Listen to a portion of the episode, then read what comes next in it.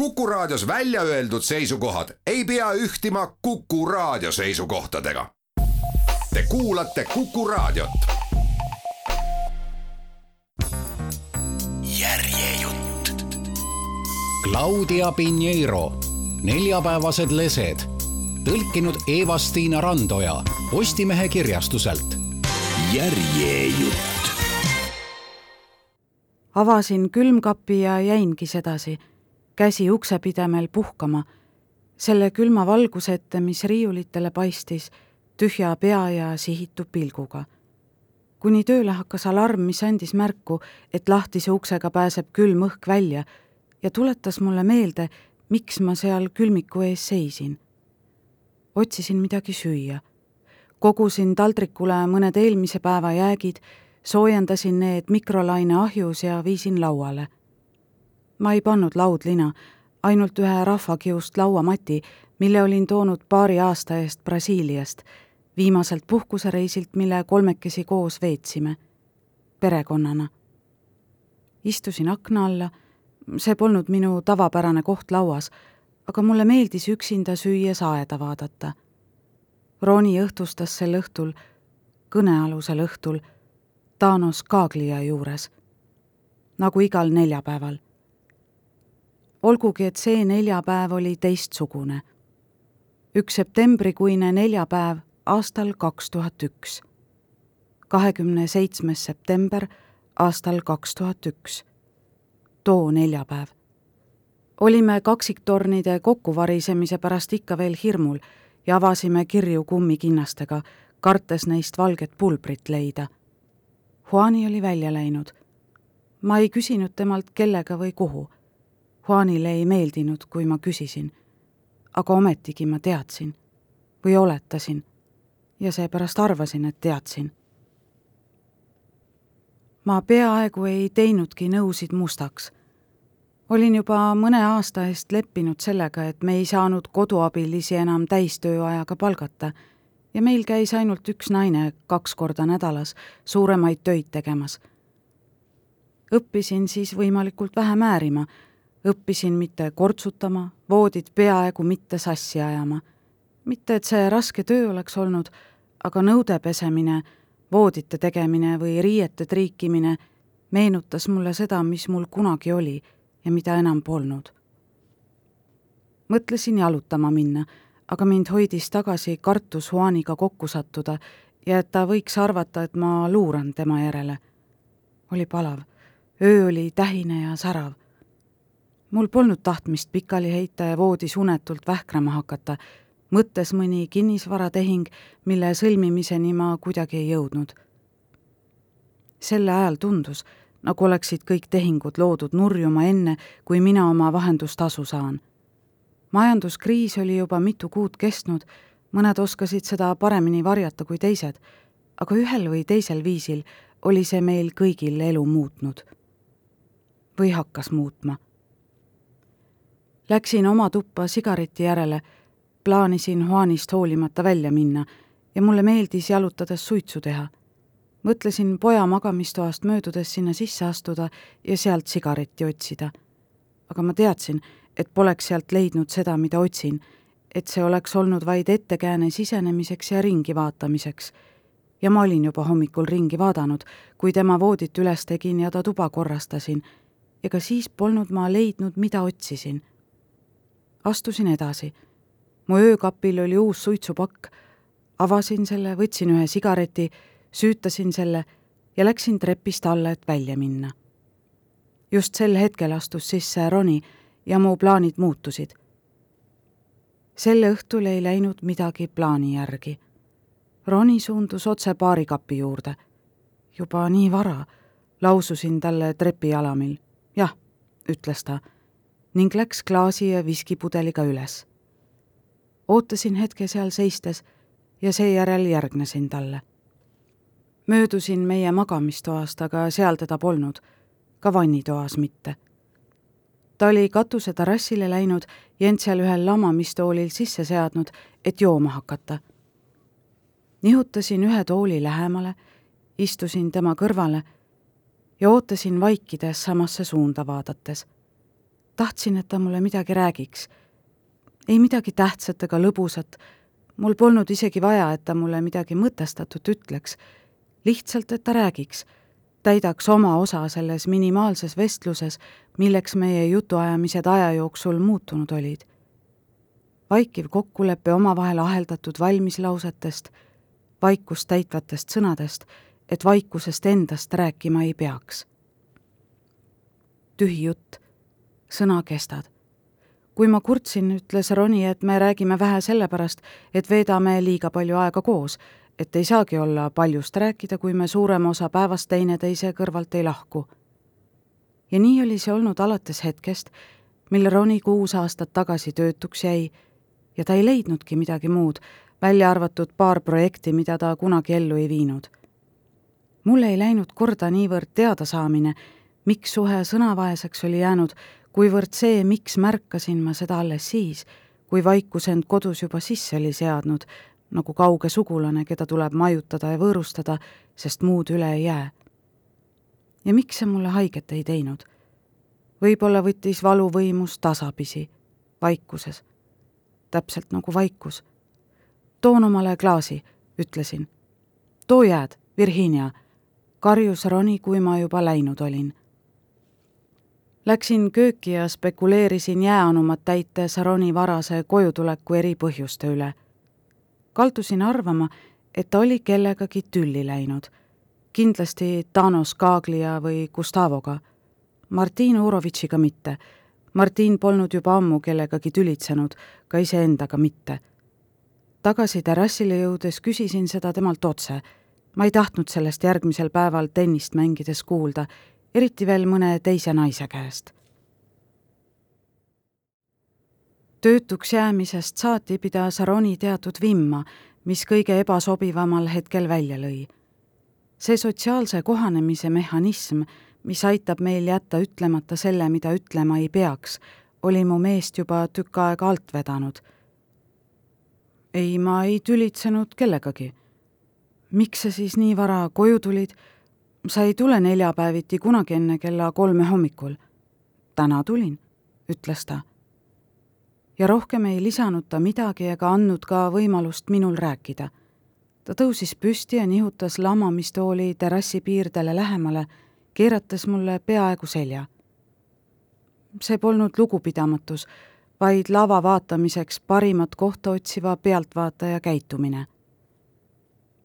Meie maja asetseb skaagliate maja suhtes põiki, vastamisi, vahele jääb kaks või kolm maja, aga kuna meie oma on kõrgem, võis siit isegi hoolimata Iturriate paplipuudest, mis vaadet varjasid, peaaegu täielikult näha katuseid, parki ja basseini. Roni vaatas basseini poole. tuled olid kustus ja polnud suurt midagi näha. küll aga kujusid, piirjoont, võis aimata, kuidas vesi liikus ja türkiissinistele kahelkividele erinevaid varje joonistas tõusin püsti ja toetusin Roni lamamistooli seljatoele. öövaikust kinnitasid iturrijate paplipuud, mis kuumas tuules õõtsusid, kõlades nagu sajaks keset seda tähistööd vihma. ma ei teadnud, kas jääda või ära minna, sest hoolimata äraolevast hoiakust polnud Roni mu lahkumisele vihjanud ja see tähendas mulle juba palju. jälgisin teda tagant, üle puitseljatoe ta niheles aeg-ajalt lamamistoolis õiget asendit leidmata. ta oli närvis. hiljem sain teada, et asi polnud närveerimises, vaid hirmus, kuid siis ma seda veel ei teadnud. ja seda oligi raske kahtlustada. Roni polnud kunagi midagi kartnud. isegi mitte seda, mis mulle hirmu tegi, hirmu, mis oli tekkinud mõne kuu eest ja mis ei jätnud mind maha ei päeval ega ööl see, mis pani mind külmkapi ees seistes unustama, mida ma parajasti tegin hirm, mis saatis mind alati, isegi kui muud teesklesin, isegi kui naersin, isegi kui ma millest tahes rääkisin, isegi kui tennist mängisin või mingit dokumenti allkirjastasin. mis hoolimata Roni seatud vahemaast pani mind sel õhtul teeseldud loomulikkusega ütlema, Juani läks välja. kellega? tahtis ta teada. ma ei küsinud. mis kell ta tagasi tuleb? ma ei tea ta läks rulluiskudega. jälle vaikus. misjärel ütlesin. automaatvastajal oli Rominalt sõnum, nad pidid paar tiiru tegema. äkki on tiir mingi nendevaheline salasõna? tiir on tiir, Virginia. ma siis ei muretse, ei. ilmselt on ta temaga, ilmselt küll. ja jälle saatis meid vaikus. hiljem oli veel sõnu, vist, aga ma ei mäleta vaikiva kokkuleppe korduv muster. Roni valas omale teise viski, mina ulatasin jääd. ta haaras peotäie kuubikuid ning mõni kukkus põrandale ja libises piirdeni. ta jälgis neid pilguga, tundus, nagu oleks ta hetkeks vastasmaja unustanud. Tema vaatas jääkuubikuid ja mina vaatasin teda. ja vahest oleksimegi sedasi jätkanud, pilke ristates aga just sel silmapilgul pandi skaagliate basseini juures tuled põlema ja keset paplivihma kuuldus hääli, Taano naeru, muusikat, kõlas midagi kaasaegse ja kurva džässi sarnast. Diana Kroll, küsisin, aga Roni ei vastanud. ta läks jälle pingesse, tõusis püsti, lõi jalaga jääkuubikuid, istus uuesti, pani rusikas käed suhu, surus hambad kokku teadsin, et ta varjas minu eest midagi, mida ta seal suus kokku surus, et see välja ei pääseks. midagi seoses sellega, millelt ta pilku ära ei saanud pöörata. mingi vaidlus, kiivustunne, põlastus, mida ta välja ei kannatanud, naljaks maskeeritud alandus. Tano spetsialiteet, mõtlesin.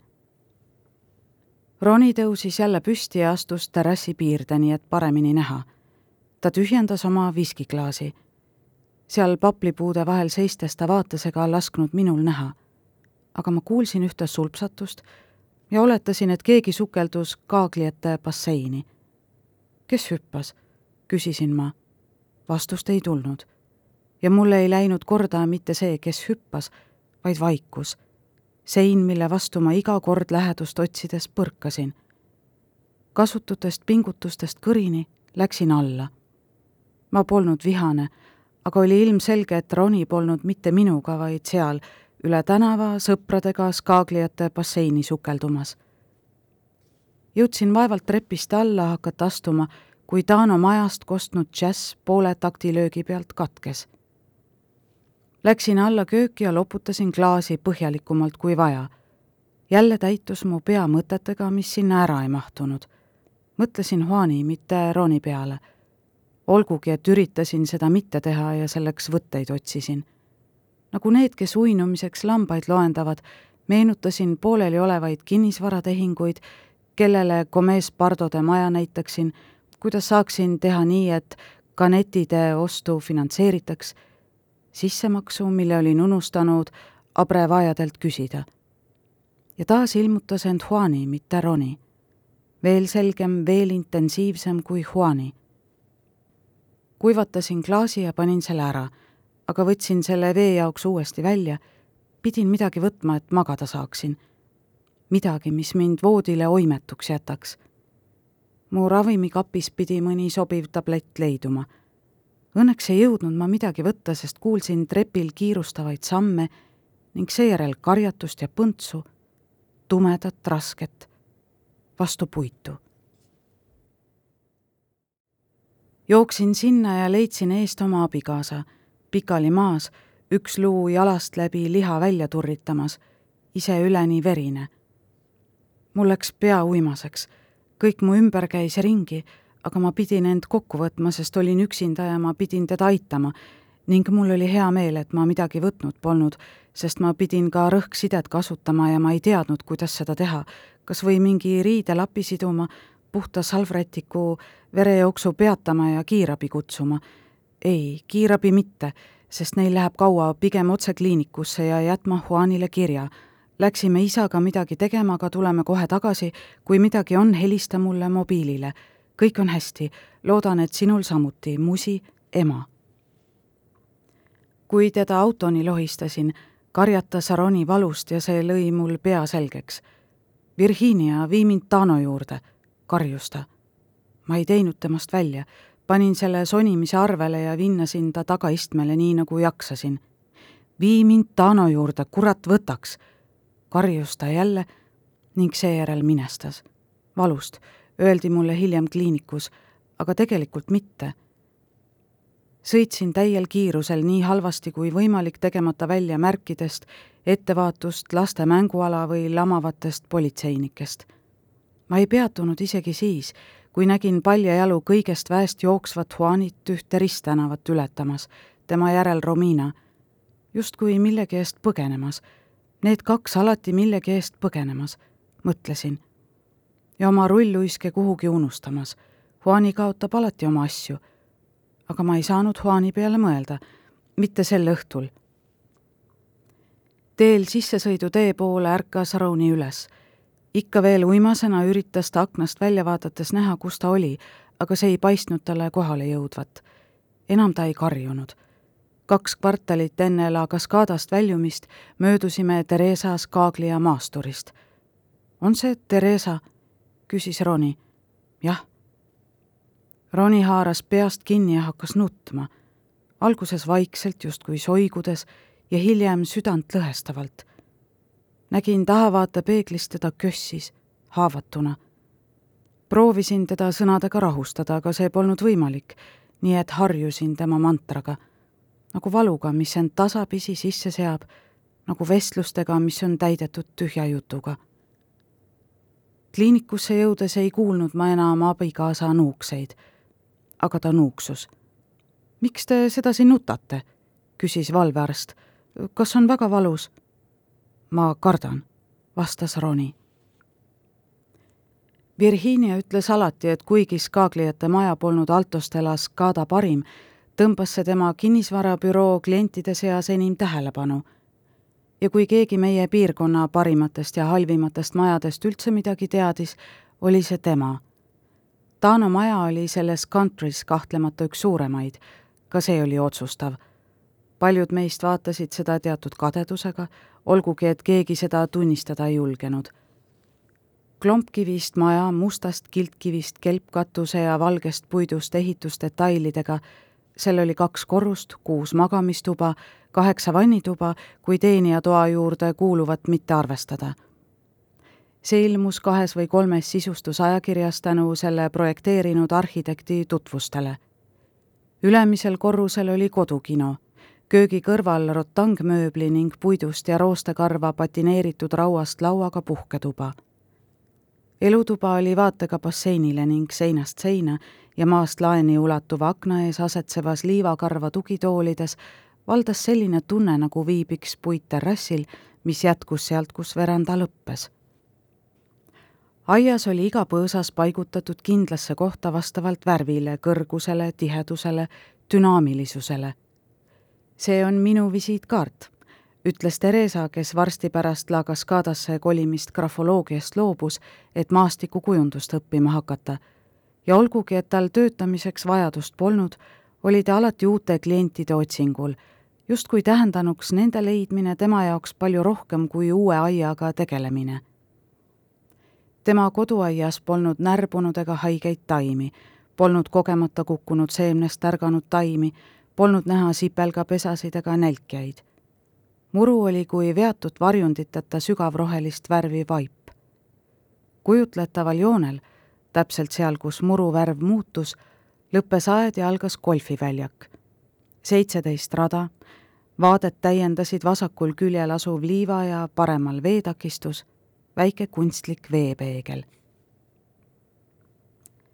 Theresa sisenes parklapoolsest uksest ta ei pidanud võtmeid kasutama, me ei lukusta Altos de las Cadas uksi.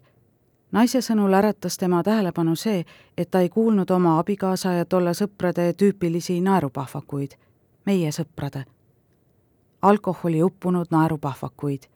ja teda rõõmustas, et ta ei pidanud neid tervitama minema, ta oli nende samade vanade naljade talumiseks liiga väsinud, ütles ta nagu neljapäeviti ikka, olid nad söömiseks ja kaartide mängimiseks kokku tulnud ning juba ammusest ajast pidid nende naised sel päeval traditsiooniliselt kinno minema.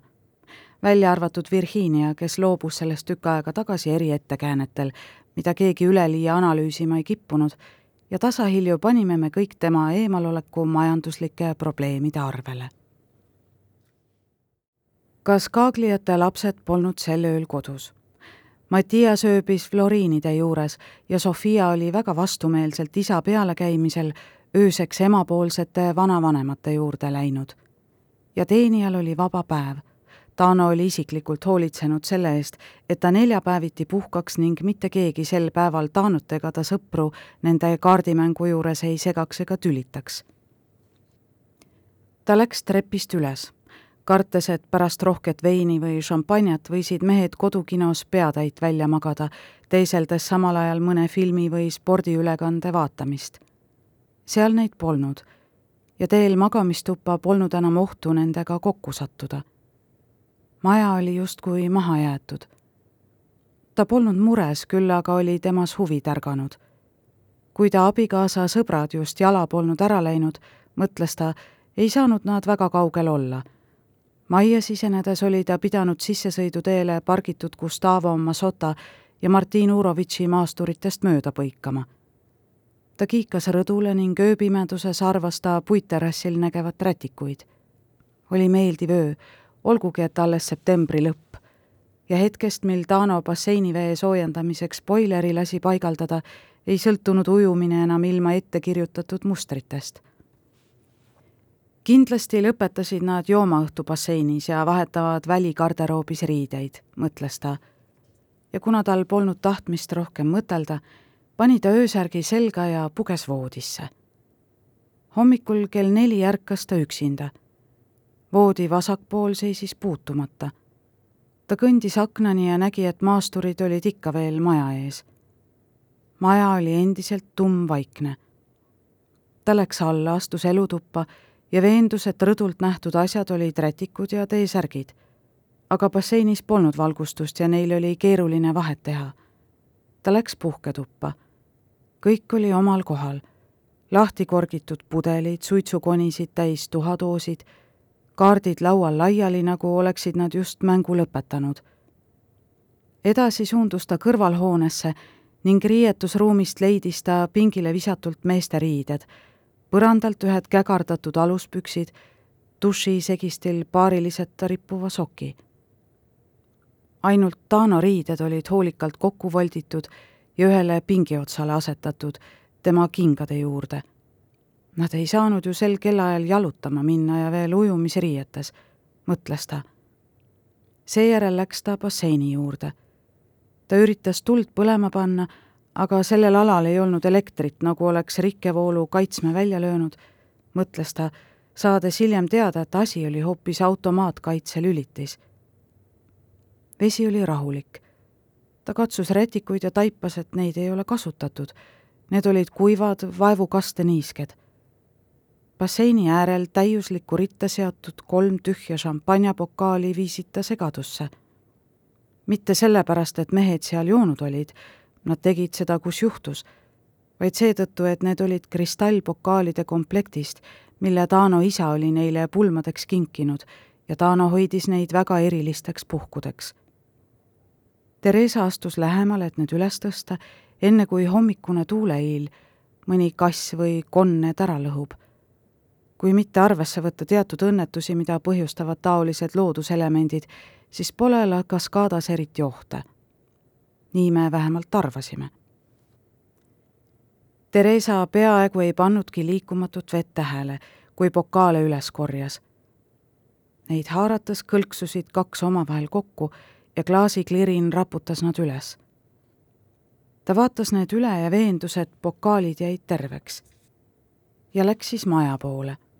ta kõndis aeglaselt, et pokaalid uuesti kokku ei kõlksuks, teadmata seda, millest me kõik alles järgmisel päeval kuulsime leige vee all, tema basseini põhjas, vajusid allapoole tema abikaasa ja tolle kahe sõbra surnukehad. Altos de la Cascada on elurajoon, kus me elame. me kõik. kõigepealt kolisid Roni ja Virginia Guevara peaaegu samal ajal kui Urovitšid. mõni aasta hiljem Tano Gustavo Masota oli üks viimastest saabunutest. ühtedest varem, teistest hiljem aga meist said naabrid. meie elurajoon on suletud, ümbritsetud eri liiki põõsaste taha peidetud piirdeaiaga. Altos de la Cascada Country Club olgugi, et enamik meist lühendab nime ja ütleb selle asemel La Cascada ning vähesed Los Altos. golfi- ja tenniseväljaku, basseini kahe klubihoonega ja eraturvafirmaga. päevases vahetuses viisteist valvurit ja öises kakskümmend kaks. veidi üle kahesaja kaitstud hektari, millele pääsevad ligi vaid meie lubatud isikud. Elurajooni sisenemiseks on kolm võimalust tõkkepuuga väravast, kui tegu on liikmega, asetades isikustatud magnetkaardi vastu lugerit. külguksest, samuti tõkkepuuga, kui külastuseks on luba antud, olles eelnevalt esitanud teatud andmed nagu dokumendinumbri, numbrimärgi ja muud tunnusnumbrid. või pöördväravast, kus jäetakse dokument tagatiseks ning otsitakse kotid ja pakiruumid läbi, kui tegu on tarnijate, koduabiliste, aednike, maalrite, ehitajate või muude töölistega tervet asumit ümbritsevad iga viiekümne meetri tagant kaamerad, mis pöörlevad sada kaheksakümmend kraadi. Aastaid tagasi paigaldati kaamerad, mis pöörlesid kolmsada kuuskümmend kraadi, kuid mis lülitati välja ja asendati, sest need rikkusid mõnede piiriäärsetes majades elavate liikmete privaatsust. majad on üksteisest eraldatud hekiga ehk põõsastega, aga mitte mingite suvaliste põõsastega enam pole moeseili kuster ega ka raudteedele omane iganenud lilla lehtertapp. Pole korralikult pügatud rohelisi seinu meenutavaid sirgeid hekke. veel vähem ümaraks lõigatud põõsaid. hekid lõigatakse ebaühtlaseks, justkui räsituks, et need loomulikud välja näeksid, kuigi nende pügamine on piinliku täpsusega välja arvestatud esmapilgul jätavad need taimed pigem naabritevahelise juhusliku pinnavormi kui piiri tähistamiseks meelega püstitatud barjääri mulje. olgugi, et seda nad just on ja ainult taimed sellele piirile vihjata saavad. lubatud pole traataiad, varbaiad ega ka seinad, välja arvatud asumi juhtkonna rahastatud kahe meetri kõrgune piirdetara, mis varsti uutele ohutusnõuetele vastava müüriga asendatakse golfiväljaku kõrval asuvad erapargid ei tohi väljakuga piirnevatel külgedel isegi mitte hekki kasutada. piirile lähenedes on võimalik eristada, kus need pargid lõpevad, sest murusort muutub, kuid eemalt vaadates kaob pilk katkematusse rohelusse ja tekib illusioon, nagu laiuks igal pool era- ja ainuomand. tänavatel on linnunimed pääsukese, rubiintikati, musträsta Need ei paigutu harjumuspäraselt lineaarselt. rohkelt leidub umbtänavaid, tupikuid, mis lõpevad väikse haljastatud ringristmikuga. Justkui Põik tänav, mida hinnatakse teistest rohkem, kuna seal on hõredam liiklus, rahulikum. me kõik tahaksime Põik tänaval elada. kui elurajoon poleks suletud, oleks taoline Põik tänav sellele liiklejale kui õudusunenägu, eriti öösel. ta kardaks rünnakut, varitsemist La Cascadas mitte, see poleks võimalik. siin võib kõndida igal ajal igal pool täiesti rahulikult, sest midagi ei juhtu. Kõnniteid pole. inimesed sõidavad auto, motika, maastikukulguri, jalgratta, golfiauto, rolleri või rulluiskudega. ja kui kõnnivad, siis sõiduteel üldiselt on iga treeningvarustuseta kõndiv inimene kas koduabiline või aednik Altos de la Cascadas ütleme aedniku asemel pargihooldaja. tõenäoliselt seepärast, et ükski maavaldus pole alla tuhande viiesaja ruutmeetri ja sellise suurusega saab ühest aiast automaatselt park. pead tõstes pole kaableid näha, ei elektri, telefoni ega ka televisioonikaableid. ja loomulikult on kõik kolm olemas, ainult et need jooksevad maa all, varjatult, et Los Altost ja selle elanike visuaalse reostuse eest säästa kaablid jooksevad kanalisatsiooniga paralleelses tranšees, mõlemad varjatult maa all. Samuti pole lubatud nähtavale jätta veepaake, neid varjatakse tehisseinte taga ega pesu välja riputada. elurajooni tehniline büroo peab koos majaplaanidega heaks kiitma pesu riputamiseks valitud paiga ning kui hiljem kasutab elanik kohta, kust pestud riided naabermajadesse ära paistavad ja keegi kaebuse esitab, saab ta trahvi. Majad on erinevad, ükski maja ei taha otseselt teise koopia olla, isegi kui ta seda on. võimatu on mitte sarnaneda, kui järgida tuleb samalaadseid esteetilisi väärtusi või sest nii nõuab ehitusseadustik või mood. meile kõigile meeldiks, kui meie maja oleks kõige ilusam või kõige suurem või kõige paremini ehitatud. kogu elurajoon on jaotatud põhikirja järgi sektoriteks, kus võib vaid ühte tüüpi välisilmega maju ehitada. on valgete majade sektor, telliskivimajade sektor, mustast kiltkivist katuste sektor. üht tüüpi maja ei tohi ehitada teise tüübi sektorisse linnulennult on klubi justkui kolmeks plekiks jagatud, punane, valge ja must. Telliskivi sektoris asuvad magalad, sellised korterid, kus ööbivad need liikmed, kes käivad siin üksnes nädalavahetustel ega taha maja pidada. Kaugelt vaadatuna paistavad magalad kolme suure villana, ent sellegipoolest on neisse kolme hoonesse ära mahutatud palju väikeseid tube, kõige ees asub hooldatud aed ning veel üks iseloomulik joon, vahest enim tähelepanu äratav meie asumis, lõhnad. elurajooni lõhnad vahelduvad aastaaegadega. septembris lõhnab kõik täht jasmiini järele. ja see pole mingi poeetiline väljend, vaid puhtalt kirjeldav. Kõigis La Cascada aedades on vähemalt üks täht jasmiin, et see kevadel õitseks. kolmsada maja, kolmsada aeda, kolmsada täht jasmiini suletud kahesaja hektari suurusele piirdetara ja eraturvateenusega maa-alale. see pole mingi poeetiline fakt. seepärast tundubki kevadel õhk raske, magus, imal nende jaoks, kes harjunud pole. kuid mõnes meist tekitab see teatud sõltuvust või tõmmet või igatsusvalu ja lahkudes tahame juba tagasi tulla, et jälle seda magusate lillede lõhna sisse hingata nagu ei saaks kusagil mujal nii hästi hingata. Altostela kaskaada õhk on raske, seda on tunda meile, kes me siin elame, meeldib sedasi hingata, mesilased mõne jasmiini varjus sumisemas. ja ehkki iga aastaajaga aroom muutub, selle õhu hingata tahtmise tunne püsib puutumatuna. Suvel lõhnab la kaskaada värskelt niidetud kastetud muru ja basseini kloori järele. suvi on häälte aastaaeg sulpsatused, mängivate laste hõiked, tsikaadid, palavuse üle kurtvad linnud, lahtistest akendest kostuv muusika, mõni üksik, kes trummi mängib. trellideta aknad. La Cascadas pole trelle. trelle pole vaja.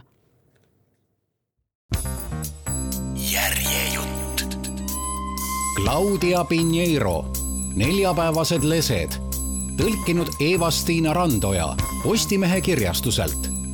järjejutt